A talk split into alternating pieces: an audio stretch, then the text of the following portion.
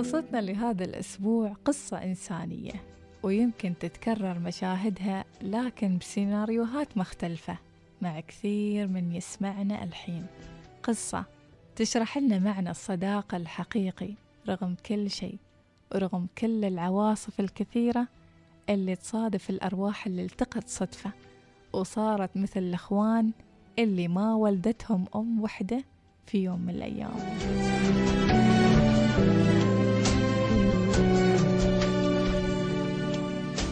أبطال القصة باختصار هم روحين في جسد واحد. يمكن بعضنا سمع قبل عن توائم الروح اللي لما نلتقي معاهم نتحد معاهم بأرواحنا ونحس بالخفة والسعادة والإنتاجية. نلاقيهم علشان يراونا الحياة بنظرة ثانية ويمكن يعطونا دروس كبيرة ما كنا بنتعلمها مع أي موقف ثاني في كل محطاتنا غير معاهم.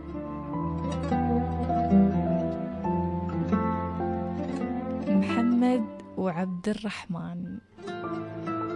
جمعتهم صدف الحياة وفي إنهم يلتقون في مكان واحد لظروف عملهم الجديد اللي وأخيرا والحمد لله حصلوه بعد ما انتظروا كثير. ولأن محمد وعبد الرحمن من منطقتين بعاد عن بعض وعن الشركة نفس الشيء كان لازم إنهم يسكنون في سكن.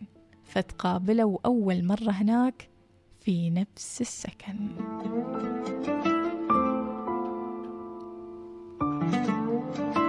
وفي اليوم الأول في الدوام ولما وزعوا عليهم الوظائف كانت الصدفة تنتظرهم وترتب لهم كل شيء كل شيء.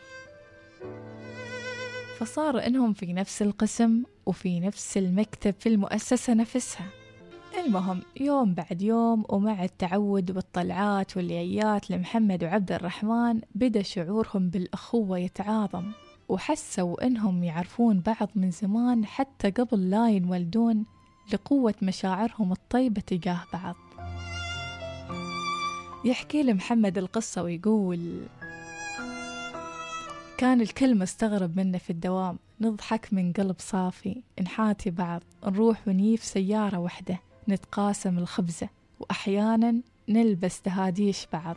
ولما تتصل والدة عبد الرحمن كنت أسلم عليه وأناديها ما وهو نفس الشيء.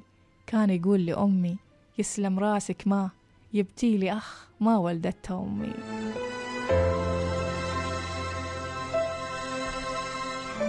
المهم مرت الأيام وكان لمحمد وعبد الرحمن زميل ثاني اسمه مصعب. كان معاهم في نفس السكن وفي نفس الشركة. بدت الغيرة تاكل قلبه وبدأ يحس إنه منبوذ وما عنده حد يشاركه همومه وأسراره ويعيش معاه الضحكة الصايفية مثل ما يعيش عبد الرحمن مع محمد.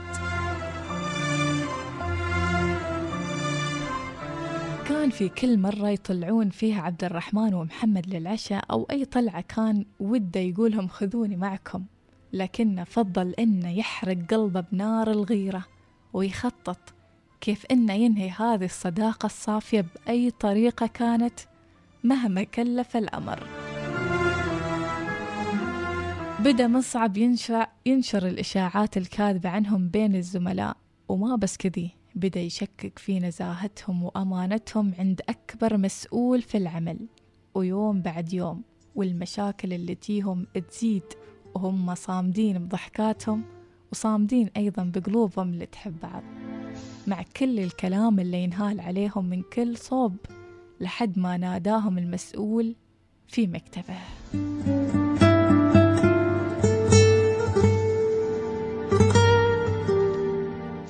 ترى إيش قالهم المسؤول؟ وإيش كانت التهم الموجهة لهم؟ وإيش كان قراره؟ هذا اللي بنعرفه إن شاء الله. باكر.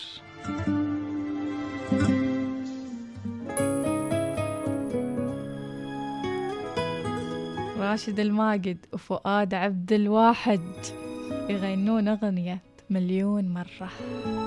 أحيانا ما نصدق مثل هذه القصص اللي فيها من الإخلاص والوفاء والمحبة.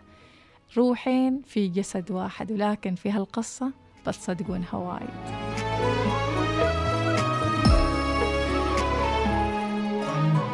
ليت العمر لو كان مليون مرة في كل مرة بتمنى هوية دنيتي في دنيا كرة وفرة. ما أريدها من دون بسمة محيا وفي عيون